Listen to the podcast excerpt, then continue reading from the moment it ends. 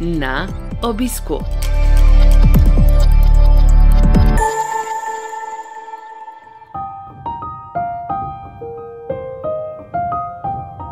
Dobrodošli v novi epizodi serije podkastov na obisku, ki nastaja v produkciji Slovenskega združenja bolnikov z limfomom in leukemijo.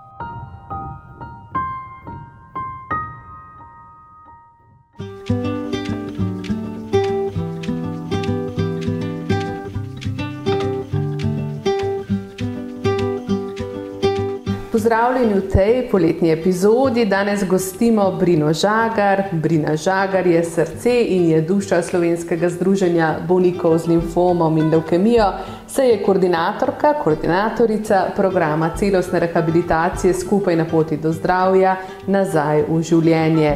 Brina je uredila večje število naših publikacij za bolnike, ki jih vedno znova pripravijo strokovnjaki.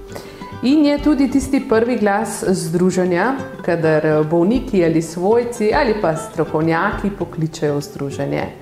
Brina Žagar je sicer antropologinja, pa je doktorica znanosti, košarkarica in je potem še ena njena življenjska vloga, bi rekla, da vsaj ta hip prav gotovo najpomembnejša. Brina je mamica enoletne Lili. Brina živijo. Lep pozdrav vsem, Julia. Brina, lahko začneva kar od zadaj pri materinstvu z Lili. To je ena relativno nova vloga v tvojem življenju, komaj enoletna. Kako si se že privadila na njo? Ja, se še privajam.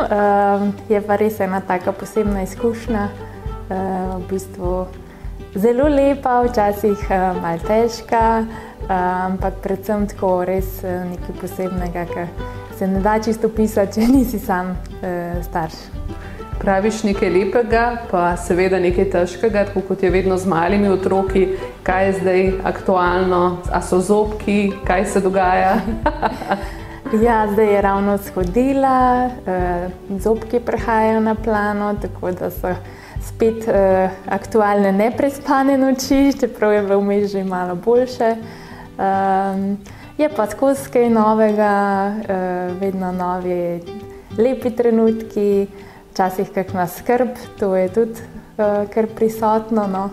Sem si zelo želela biti tako sproščena mama, ki ne komplicira, pa vidim, da včasih ni čisto, da je kar velik teh skrbi. Ki jih samo mame poznajo, poznamo. Pravijo, da otrok zavedno spremeni človeka, kako je uh, Lili spremenila tebe. Kaj bi rekla? Ja, v bistvu je res tako, kot mogoče lahko kar primerjam z boleznijo, ki se uh, bova kasneje o njej tudi pogovarjali. Uh, je to tudi en tak poseben menik, ki spet uh, ti da veliko zamisliti, uh, spet spremeni nekako tisti tvoj ustaljen način življenja. Eh, zahteva neke spremembe, tudi mogoče neka prevrednotenja tistih uh, vrednot, ki so bile mogoče prej bolj aktualne, pa so zdaj spet neke druge. Tako da, um, ja, ena zelo lepa izkušnja, pa tudi, ja, tako kot so prej rekli, tudi če kakšne skrbi zraven. Vse živo. Tako. Berina, umenila si bolezen uh, zaradi tvoje izkušnje z rakom uh, izpred skoraj da že 15 let. Morda to materinstvo ni bilo povsem samoumevno ali pač. Uh, ja, v bistvu takrat, ko sem zbolela, mi je tudi onkologinja rekla, da ne morejo zagotoviti, da bo pač plodnost ohranjena. Ni bilo pa nikoli rečeno, zdaj, um, kako bo s tem. V bistvu tudi pač, uh, um, sami pregledi so bili v redu, ampak dokler nekako nisi na tej situaciji, ne moreš čez vedeti. Tako da um, sem v bistvu zelo srečna, no, da se je to vse tako izteklo, da ni bilo težav. Um, tudi nosečnost je šla zelo lepo, no, mislim, tiste neke take eh, splošne nosečniške težave so bile pač prisotne, ampak nič kaj nenavadnega ali pa kaj tasga, kar bi bilo bolj um, zaskrbljujoče. Tako da tudi v bistvu je šlo res vse čisto lepo uh, skozi. Brina, v zadnjem letu smo kar veliko govorili ne, tudi o ohranjanju plodnosti, pa o spolnosti in tako naprej pri hematonkoloških bolnikih. Ali je takrat, se pravi pred skoraj 15 leti, že bila ta ozaveščenost, da so vsakega mladega bolnika poslali na shranjevanje dednega materijala? Um, takrat se je v bistvu ta zaveščenost že bila, so tudi že pošiljali, ampak takrat pri meni je bilo rečeno, da se zelo mudi z kemoterapijo in da um, ni časa v bistvu za shranjevanje. Tako da jaz tega dednega materijala shranjenega nisem imela, ampak kot pravim, je bilo pa pač rečeno, da lahko da bo, lahko da ne bo šlo ne, po naravni poti. Tako da sem pač imela to srečo um, te kemoterapije v bistvu niso, um, niso povzročile neplodnosti. No. To je velika sreča. Uh, kako je to vplivalo na partnerski odnos? Torej, tisto, da v nekem trenutku, seveda, nisi mogla vedeti, ali bo šlo ali ne bo šlo. Um, v bistvu niti nisva tako zelo razmišljala zdaj vnaprej o tem, um, ko sva se pač odločila, da bi rada načrtovala otroka. Um, sva pač rekla, da bo bomo poskusili in um, potem naprej pač iskali rešitve, če ne bo šlo. Tako da um, nekako ni bilo to zdaj um, eno tako, da bi rekla že vnaprej neko uh, tuhtanje, no, bolj tisto sproti, kar bo, bomo potem naprej rešvali, če ne bo šlo. Tu pravijo, da je tak, tak pravi pristop, da si ne delamo skrbi na zalogo. Tako je. Ja. Dobro. Ko zdaj mislim, koliko si bila stara, skoraj 15 let nazaj, se mi zdi nemogoče, da si bila v resnici takrat že maturantka.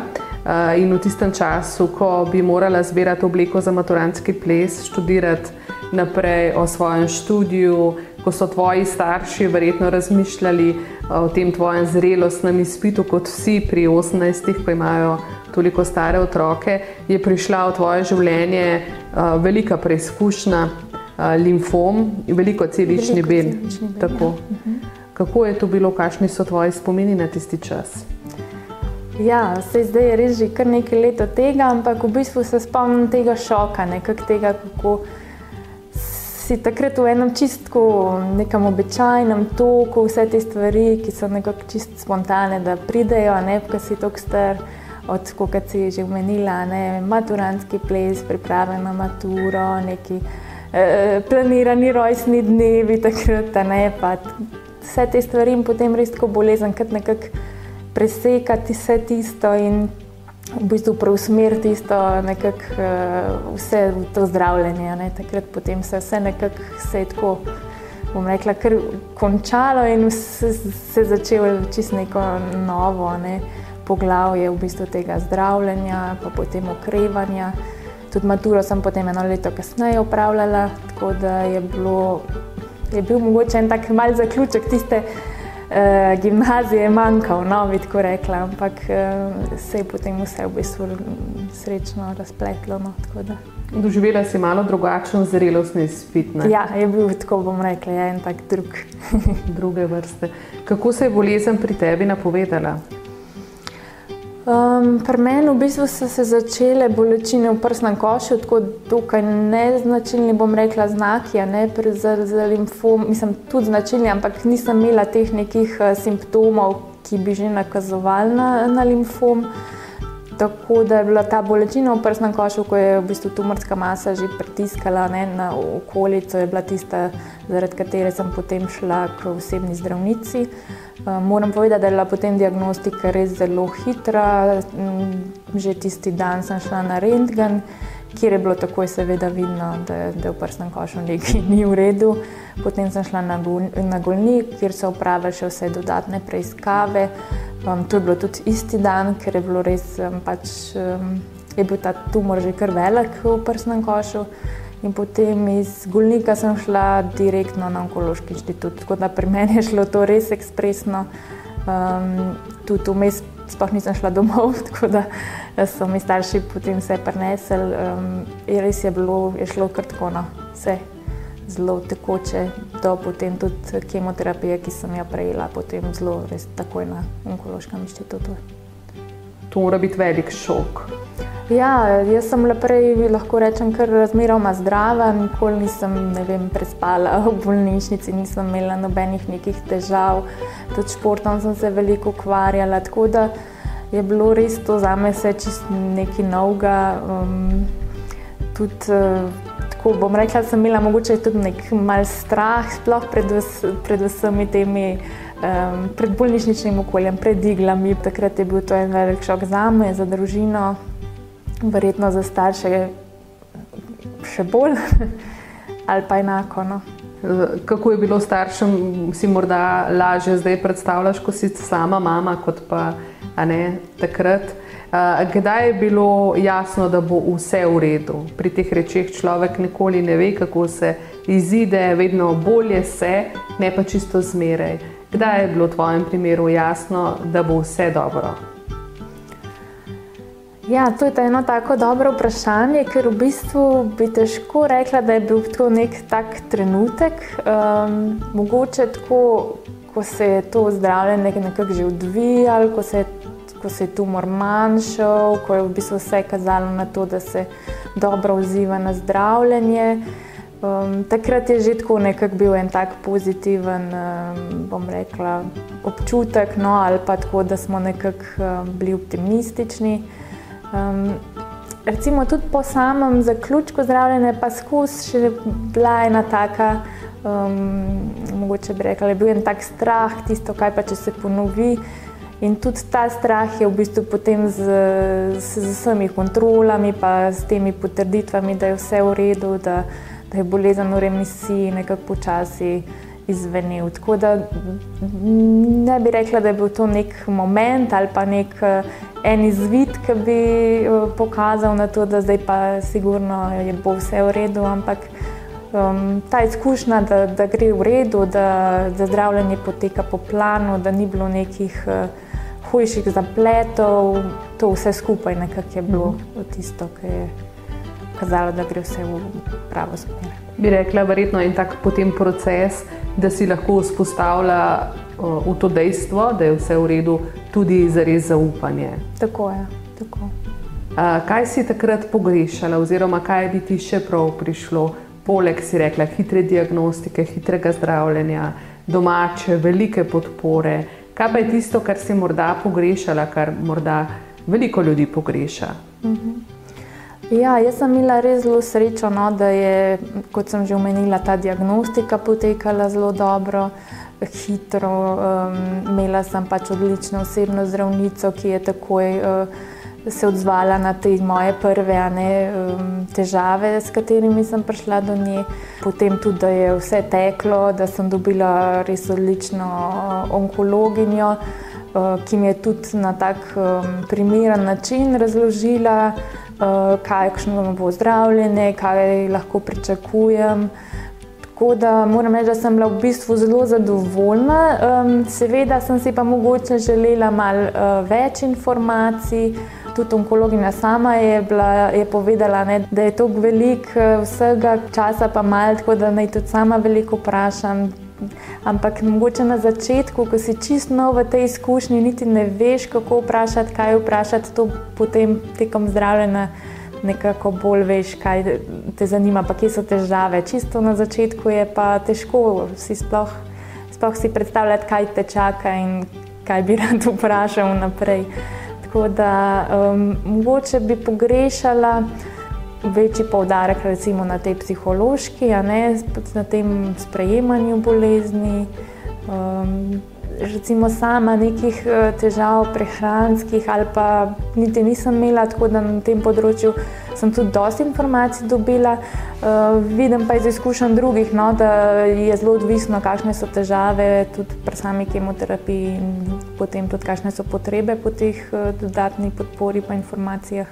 Pa mogoče pri zaključku zdravljenja nekako več informacij, kako naprej. No? To mi je mogoče manjkalo, kaj lahko, česa ne. Takrat, nekako, ko si med samim zdravljenjem te informacije dobivaš, potem, ko se zdravljenje zaključi, si pa se počasi počutiš tako, um, da ne veš, če se zdaj neke stvari že lahko ali še ne. Um, ja, da ti zaključek zdravljenja je pogosto spregledan kot neko težko obdobje, ko pa v bistvu moraš se nekako nazaj postaviti, nazaj zaživeti. Um, tudi tiste stvari, ki so ti bile mogoče med samim zdravljenjem odsvetovane, se v bistvu takrat spet na neki točki lahko začneš nazaj z njimi ukvarjati. Ne vem, ali so to neki bolj intenzivni, recimo športi, ali je to tudi recimo določena vem, prehrana, ki je mogoče v času neutropenije odsvetovana. In takrat na teh prehodih si včasih malo delimi. Um, a bi še malo počakal, pa ne bi še šel mogoče ali v neko večjo družbo ali na nek uh, hribovski izlet. Tako, te stvari mogoče so pa takrat malo uh, težje. No? Uh, če je vse v redu, niti ne toliko, tako da sem imela vse izkušnjo, kjer ni bilo večjih težav, ampak tam, kjer pa so bile že med samim zdravljenjem težave, je pa sploh to potem tako eno tako zahtevno obdobje, ko je ta rehabilitacija nekako deloma že, deloma so še prisotne težave, takrat je pa veliko teh vprašanj, pa v bistvu zelo malo možnosti, da se na njih odgovori.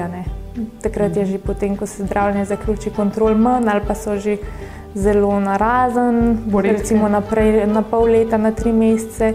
In vmes je eno kar dolgo obdobje, ko pa ne veš čist kako in kaj.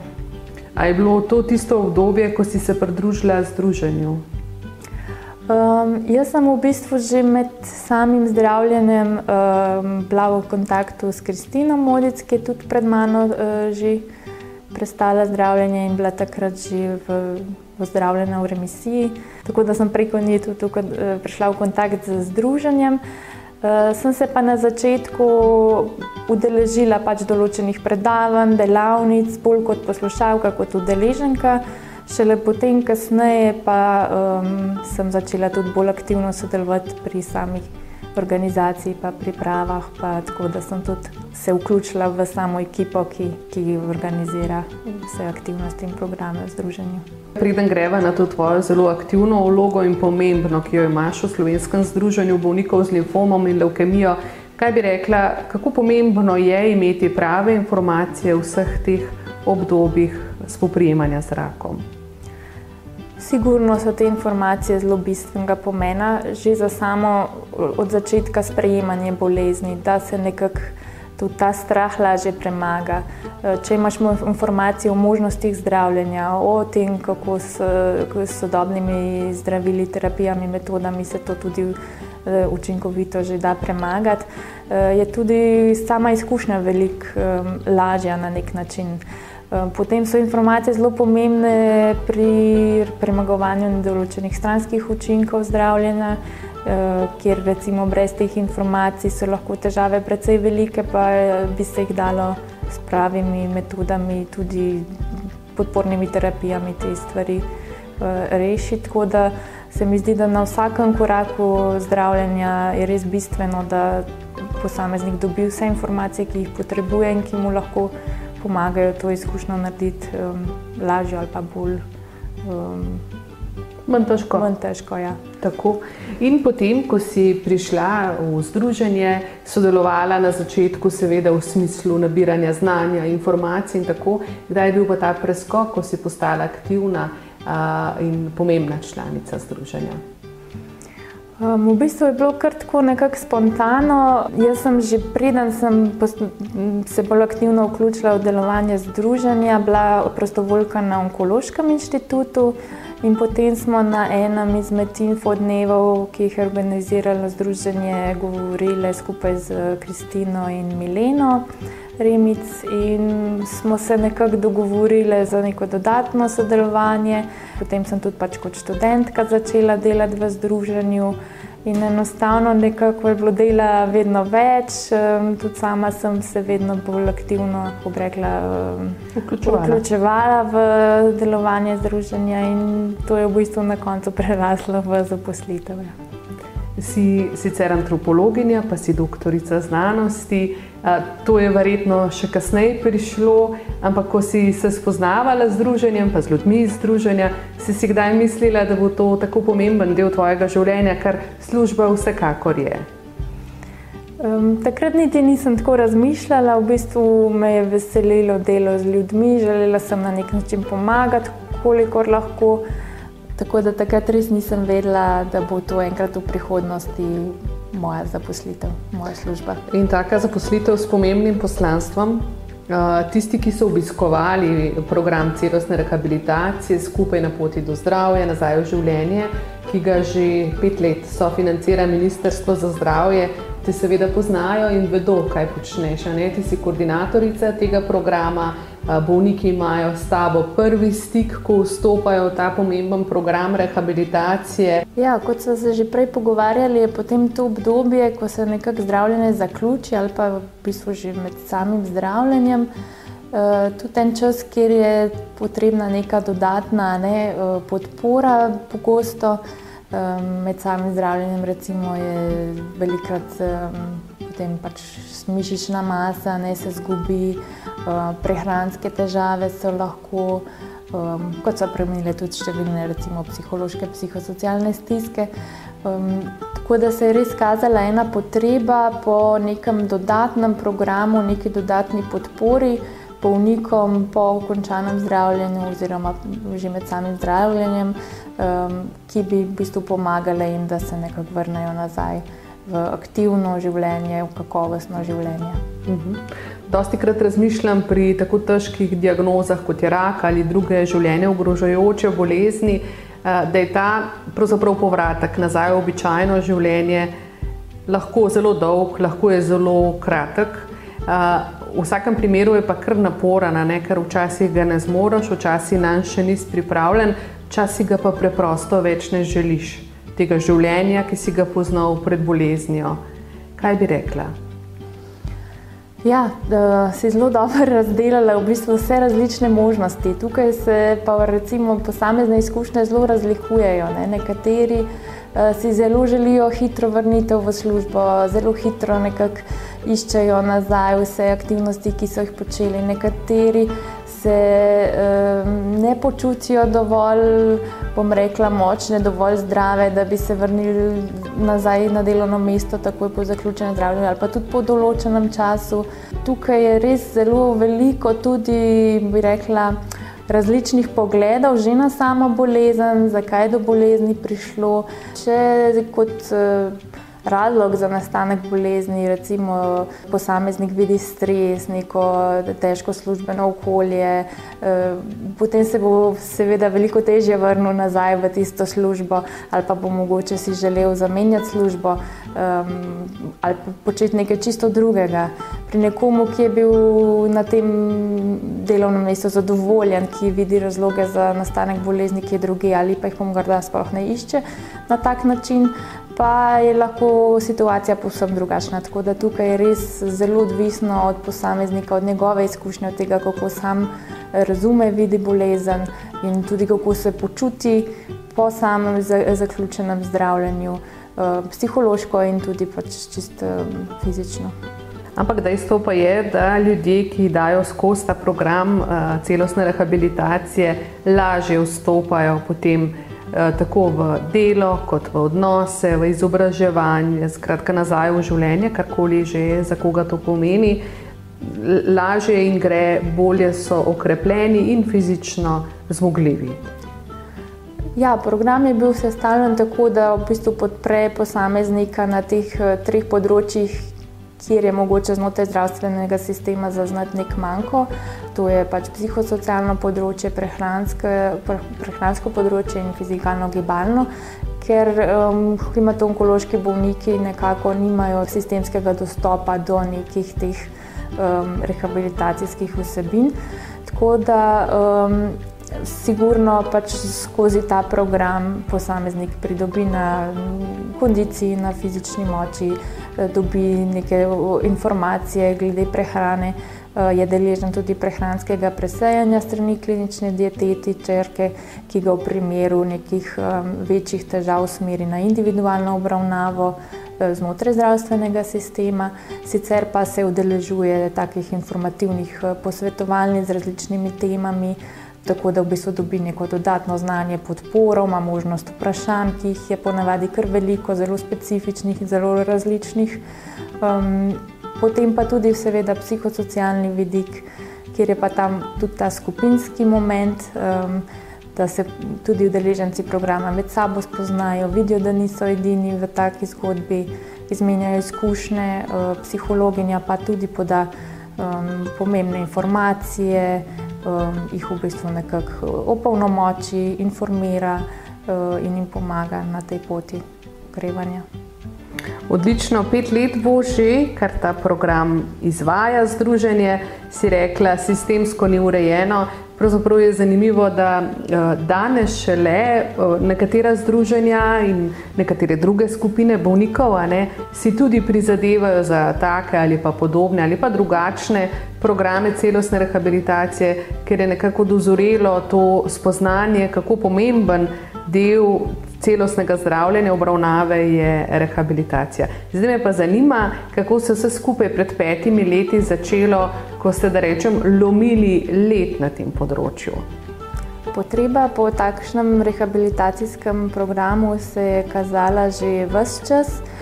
Z razpisom Ministrstva za zdravje pa se je pojavila priložnost, da se tak program kot celoto Eh, zasnuje in tudi začne izvajati. Um, takrat so sodelovali um, številni strokovnjaki iz Združenja hematologov Slovenije, profesor dr. Zupanova in profesor Črnelč, eh, predvsem iz strani hematologov, um, pa še številni drugi. Kristina Modic, kot takratna predsednica, pa zdajšnja izvršna direktorica, pa je bila tista uh, glavna sila, ki je vse skupaj povezala in spravila v življenje. Tako da je potem um, ministrstvo pač program prepoznalo in ga tudi podprlo finančno. Brina, tako le razmišljam, je pet let tega programa, septembra bo. Se mi zdi, da dejansko iz česa takega preprosto ne bi mogli skoraj da narediti več. Kot združenje je s tem programom celostne rehabilitacije. Ena tako bogata vsebinska zadeva, tak program, ki je toliko dobrega storil uh, ljudem, bolnikom s krvnimi raki, ki seveda to povajo, potem s temi vprašalniki, ki jih izpolnjujejo. To se mi zdi ena res lepa zgodba. Kako vidiš razvoj te zgodbe v prihodnje?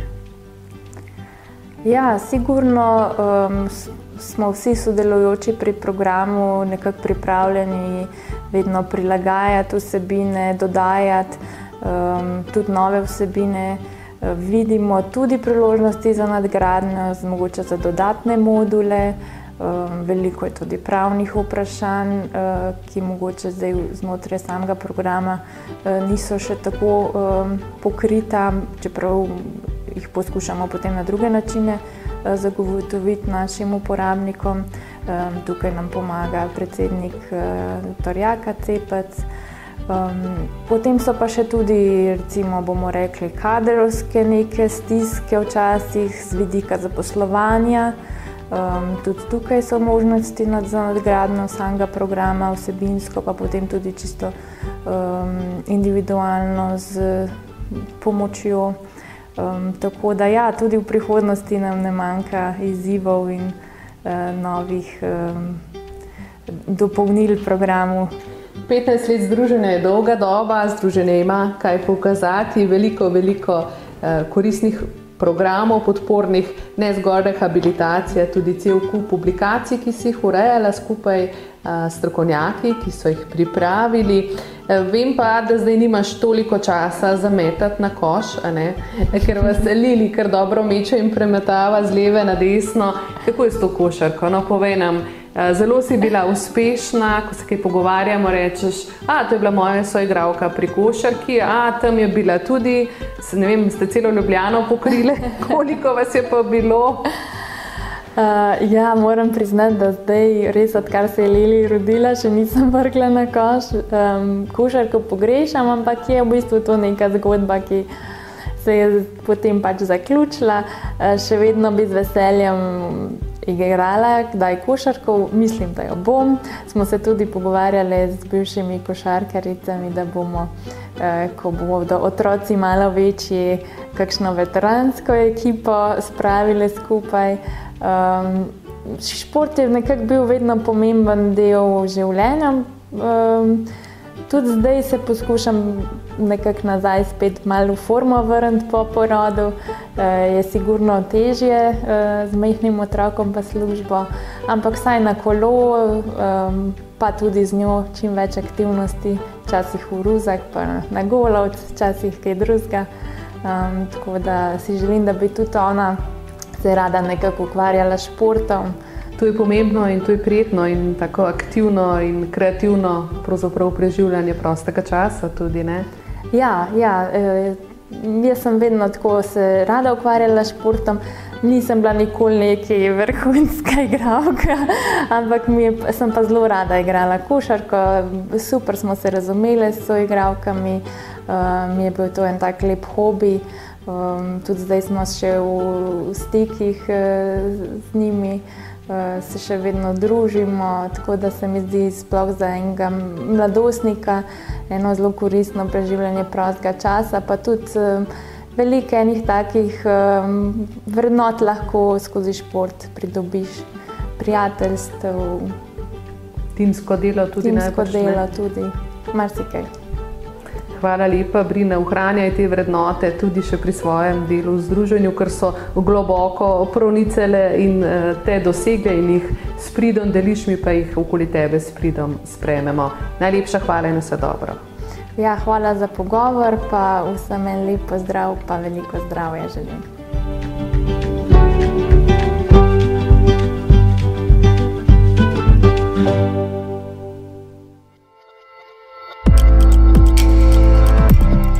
V našo družbo vabljeni spet čez 14 dni.